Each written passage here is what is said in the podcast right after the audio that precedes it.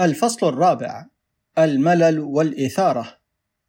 في رأيي أن الملل كعنصر من عناصر السلوك الإنساني قد صادف اهتماما أقل كثيرا مما يستحقه.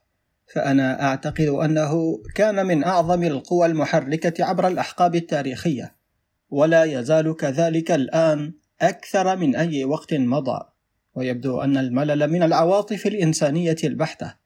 فصحيح أن الحيوانات في الحبس تكون فاترة الهمة. تخطو هنا وهناك وتتثاءب ولكن في حالتها الطبيعية لا أعتقد أنها تشعر بشيء شبيه بالملل. فهي في معظم الوقت تتطلع اتقاء للأعداء أو بحثا عن الطعام أو كلا الأمرين معا.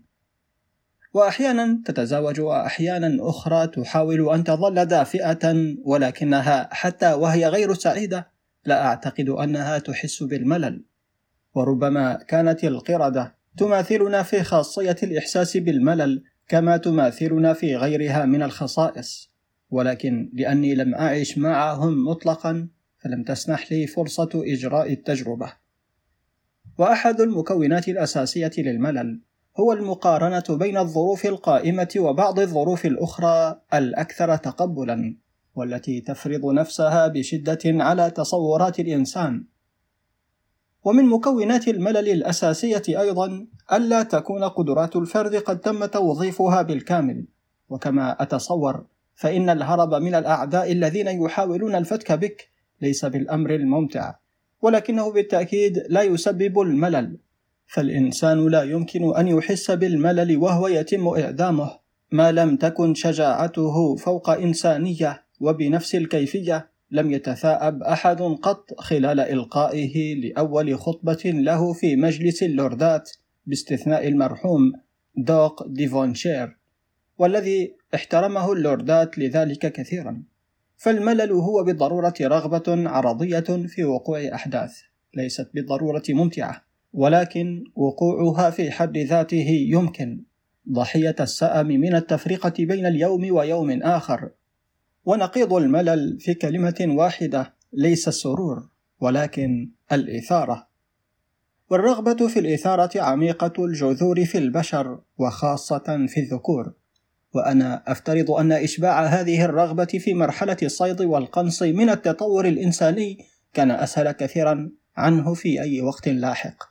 فالمطاردة كانت مثيرة والحرب كانت مثيرة ومطارحة الغرام كانت مثيرة. ولكن بحلول مرحلة الزراعة أصبحت الحياة كالحة فيما عدا بالطبع بالنسبة للأرستقراطيين الذين ظلوا يعيشون ولا يزالون في مرحلة الصيد والقنص. ونحن نسمع كثيرا عن الضجر من رتوب الآلة ولكني أعتقد أن الضجر من الزراعة بالوسائل القديمة كان على الأقل بنفس الدرجة. وفي الحقيقة وعلى النقيض مما يؤمن به المحبون لخير البشرية فأنا أجد أن عصر الآلة قد اختزل بدرجة كبيرة كمية الملل في العالم. فالذين يكسبون أجورهم بالعمل لا يكونون خلال ساعات العمل منفردين ويشغلون ساعات المساء بوسائل اللهو والتسلية وهي التي كان من المستحيل وجودها في قرية ريفية على النمط القديم. ولننظر مرة أخرى إلى التغير الذي حدث في حياة المستوى الأدنى من الطبقة المتوسطة. ففي الأيام الغابرة وبعد أن تكون الزوجة والبنات قد فرغن من إخلاء المائدة بعد العشاء كان الجميع يتحلقون لينعموا بما كان يسمى بسهرة عائلية سعيدة. وكان ذلك يعني أن رب الأسرة يذهب للنوم وتقوم زوجته بأشغال الإبرة ويود البنات لو كن موتى فلم يكن مسموحا لهن بالقراءة أو بمغادرة المنزل. حيث كان من المفترض أن يتحدث معهم والدهم خلال هذا الوقت. الأمر الذي لا بد وأنه كان مبعث السرور لكل الأطراف وبالحظ المواتي يتزوجن في النهاية وتكون لهن فرصة أن يجعلن فترة شباب أطفالهن بائسة على غرار شبابهن. أما إذا لم يكن لهن حظ فسيصبحن عوانس وربما يصبحن في النهاية نساء مهذبات باليات. وهو المصير البشع المماثل الذي يفرضه المتوحشون على ضحاياهم. كل هذا الكم من الملل يجب أن يتصوره العقل عند تقييم ما كان عليه العالم منذ مائة عام مضت. وعند الرجوع إلى أبعد من هذا نجد أن الملل كان أسوأ بكثير. فلتتصور رتوب الشتاء في القرى القديمة فالناس لم يكن بإمكانهم القراءة ولا الكتابة.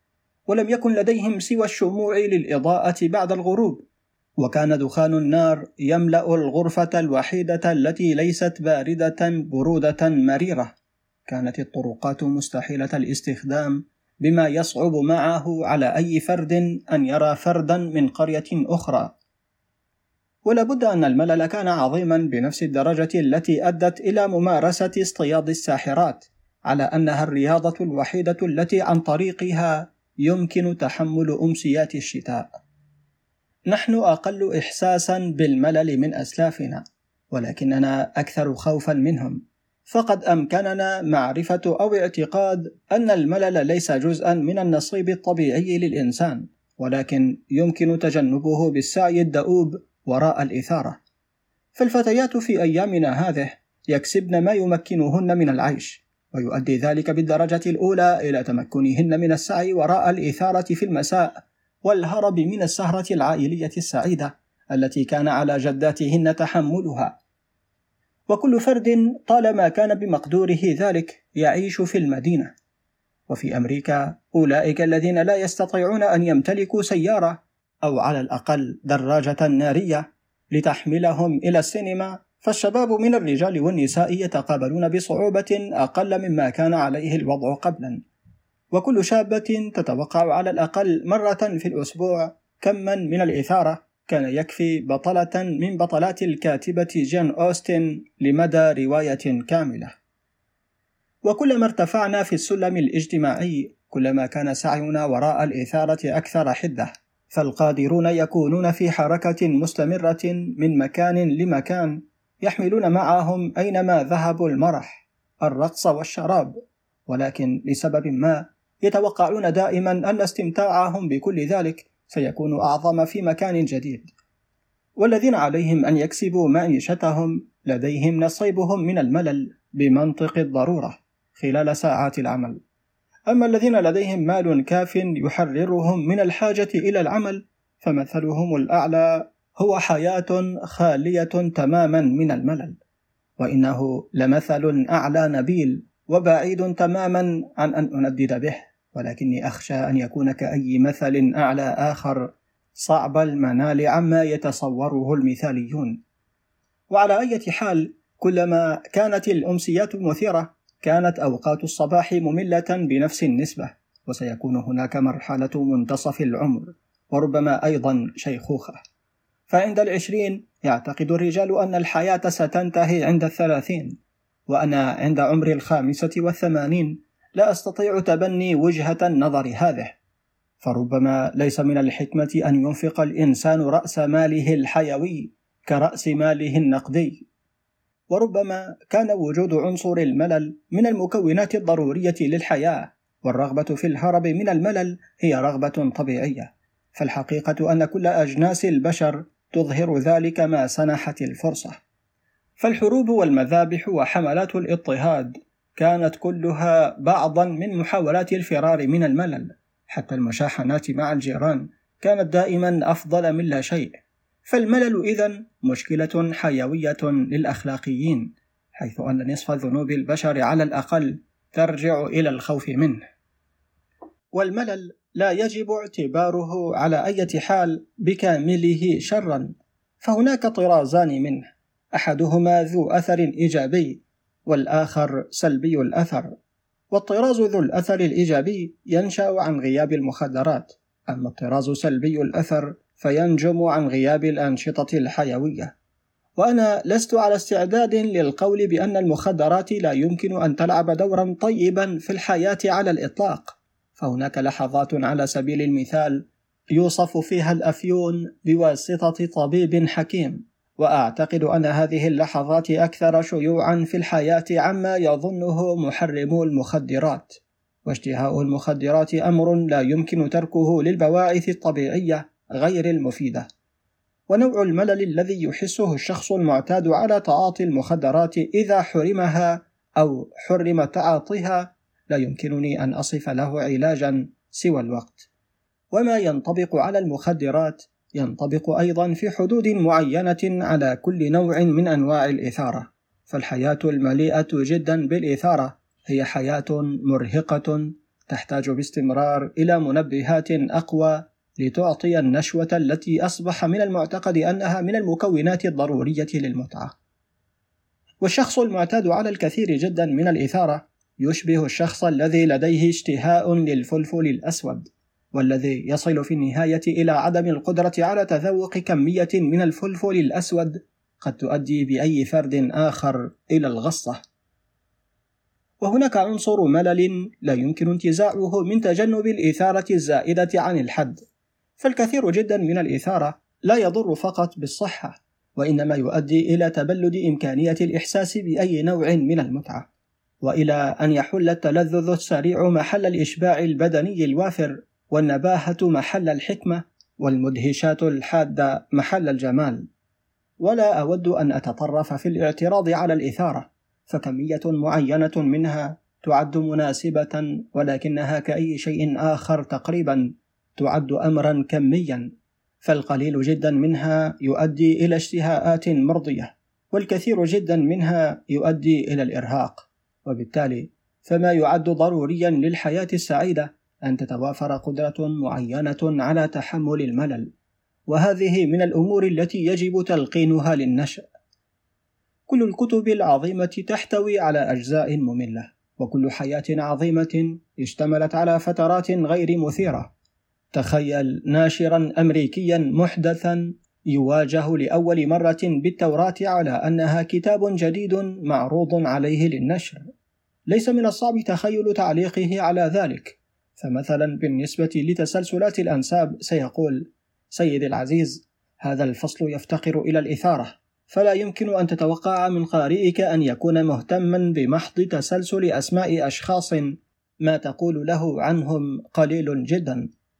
إني أعترف أنك بدأت كتابك بأسلوب رفيع وأن انطباعي في البداية كان جيدا ولكنك ترغب بشدة في أن تحكي كل شيء. انتق الموضوعات المهمة انتق الموضوعات المهمة وتخلص من الأجزاء التي لا لزوم لها ثم أحضر الأصل عندما تختصره إلى الحجم المناسب. هكذا سيتحدث الناشر المحدث. لعلمه بخوف القارئ المعاصر من الملل. وسيقول نفس الأشياء عن مؤلفات كونفوشيوس وكتاب رأس المال لماركس. وكل الكتب المقدسة الأخرى والتي برهنت على أنها تحقق أعلى المبيعات. ولا ينطبق ذلك على الكتب المقدسة فحسب. ولكن أحسن الروايات تحتوي جميعها على صفحات مملة أيضا. فالرواية التي تتلألأ من أول صفحاتها إلى آخرها من المؤكد أنها لن تكون كتابا جيدا. كذلك حياة الرجال العظام لم تكن مثيرة فيما عدا لحظات قليلة عظيمة. فسقراط كان يستمتع بوليمة بين الحين والحين ولا بد وأنه كان يحس برضا عظيم من محاوراته بينما مشروب الشكران المخدر يقوم بإحداث أثره. ولكنه عاش حياته في معظمها هادئة مع زانفيب. يتريض بعد الظهر وربما قابل بعض الأصدقاء في طريقه. ويقال إن كانت لم يبتعد عن مدينة كونسبيرغ التي كان يقيم بها لأكثر من عشرة أميال طوال حياته. وداروين بعد أن طاف حول العالم قضى ما بقي من حياته في بيته الخاص. وماركس بعد أن أثار بعض الثورات قرر أن يقضي الباقي من عمره في المتحف البريطاني. وعلى وجه الإجمال ستجد أن الحياة الهادئة كانت مميزة لكل رجال العظام وأن متعتهم لم تكن من الطراز الذي يبدو مثيرا في أعين الآخرين. فالإنجازات العظيمة غير ممكنة دونما عمل دؤوب مستحوذ وصعب. بحيث لا يترك سوى القليل من الطاقة لأي طراز نشط من اللهو باستثناء ما يساعد على استرجاع الطاقة البدنية خلال أيام العطلة. وأفضل مثال على ذلك تسلق جبال الألب. والقدرة على تحمل الحياة الرتيبة بدرجة أو بأخرى يجب اكتسابها في مرحلة الطفولة، فالآباء المحدثون هم الملومون بدرجة كبيرة في هذا الخصوص. فهم يوفرون لأطفالهم الكثير جدا من اللهو السلبي مثل الاستعراضات والطعام الجيد. ولا يدركون أهمية أن يكون يوم الطفل مثله مثل يوم آخر فيما عدا بالطبع في المناسبات النادرة جدا. ومتع الطفولة يجب في الأساس أن تكون هي التي يستخلصها الطفل من بيئته بواسطة بعض المجهود والابتكار. فالمتع التي تكون مثيرة ولكنها في نفس الوقت لا تشتمل على أي مجهود بدني. كالمسرح مثلا يجب أن تكون نادرة الوقوع جدا. فالإثارة لها نفس طبيعة المخدر سيكون الأكثر والأكثر منها مطلوبا. والسلبية البدنية خلال هذه الإثارة أمر مضاد للغريزة. فالطفل ينمو بشكل أفضل عندما يترك كالنبات بدون إزعاج في نفس التربة. فالكثير جدا من الترحال أو الكثير جدا من الانطباعات المتنوعة ليست جيدة للنشأ وتؤدي بهم عندما يكبرون إلى أن يصبحوا غير قادرين على تحمل الرطوب المفيد. ولا أعني أن الرطوبة في حد ذاته له أية مزايا ولكني أعني فقط أن أشياء طيبة معينة لن تكون ممكنة إلا بدرجة معينة من الرطوب ولنأخذ مثلا كتاب مقدمة للمؤلف ووردزورث فمما سيكون واضحا لكل قارئ أنه مهما تكن قيمة أفكار ومشاعر ووردزورث فهي مستحيلة بالنسبة للشاب الحضري المحدث. فالصبي أو الشاب الصغير الذي لديه هدف جدي سوف يتحمل طواعية قدرا كبيرا من الملل إذا وجد أن ذلك ضروريا.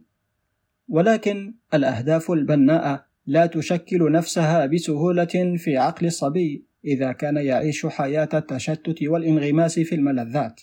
ففي مثل هذه الأحوال تكون أفكاره دائما متجهة إلى المتعة التالية وليس إلى الإنجاز البعيد.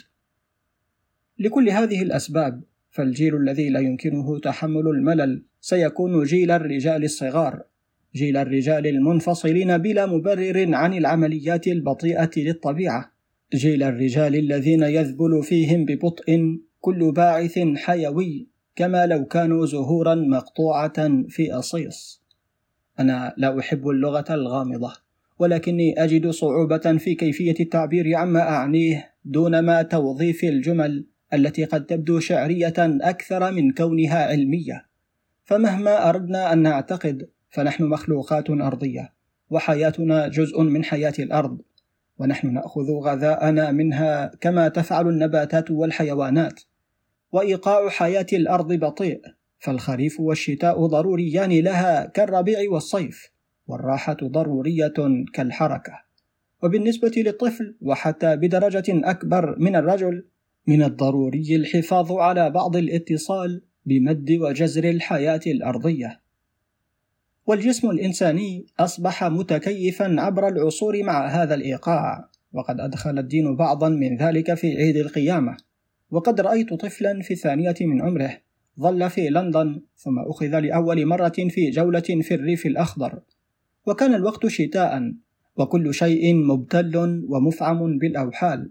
بالنسبة لعين رجل بالغ لم يكن هناك ما يبعث على السرور. ولكن في الطفل انبعثت نشوة غريبة. فقد انحنى على الأرض المبتلة ووضع رأسه في العشب وأطلق صيحات فرح متصلة. فالفرحة التي كان يشعر بها كانت بدائية وبسيطة وجسيمة. والاحتياج البدني الذي كان يتم إشباعه كان عظيما لدرجة أنه لم يتم إشباعه في أناس كانوا عقلاء. كثير من المتع ولنأخذ المقامرة كمثال ليس بها أي عنصر من عناصر الاتصال بالأرض. مثل هذه المتع لحظة انتهائها تترك الإنسان شاعرا بالقتامة وعدم الرضا وجائعا لشيء لا يدرك كنهه. ومثل هذه المتع لا يمكن أن تؤدي إلى ما يمكن أن نسميه لذة. أما المتع التي تقربنا من الاتصال بحياة الأرض فتحتوي على شيء مرض جدا. وعندما تنتهي تظل السعادة التي أحدثتها باقية رغم أن حدتها عند حدوثها ربما كانت أقل من تلك الخاصة بالرقاعة المثيرة. والتمييز الذي أعنيه ينسحب على كل درجات السلم من أبسط الانشغالات إلى أكثرها تمدينا. فطفل الثانية الذي تحدثت عنه منذ لحظة أظهر أكثر صور الاتحاد بحياة الأرض بدائية. ولكن عند مستوى أعلى سنجد نفس الشيء في الشعر. فالذي جعل أناشيد شكسبير فائقة الروعة هو أنها مليئة بنفس هذه الفرحة التي جعلت الطفل الثانية يحتضن العشب. انظر إلى أنصت أنصت إلى القنبرة أو تعال إلى هذه الرمال الصفراء.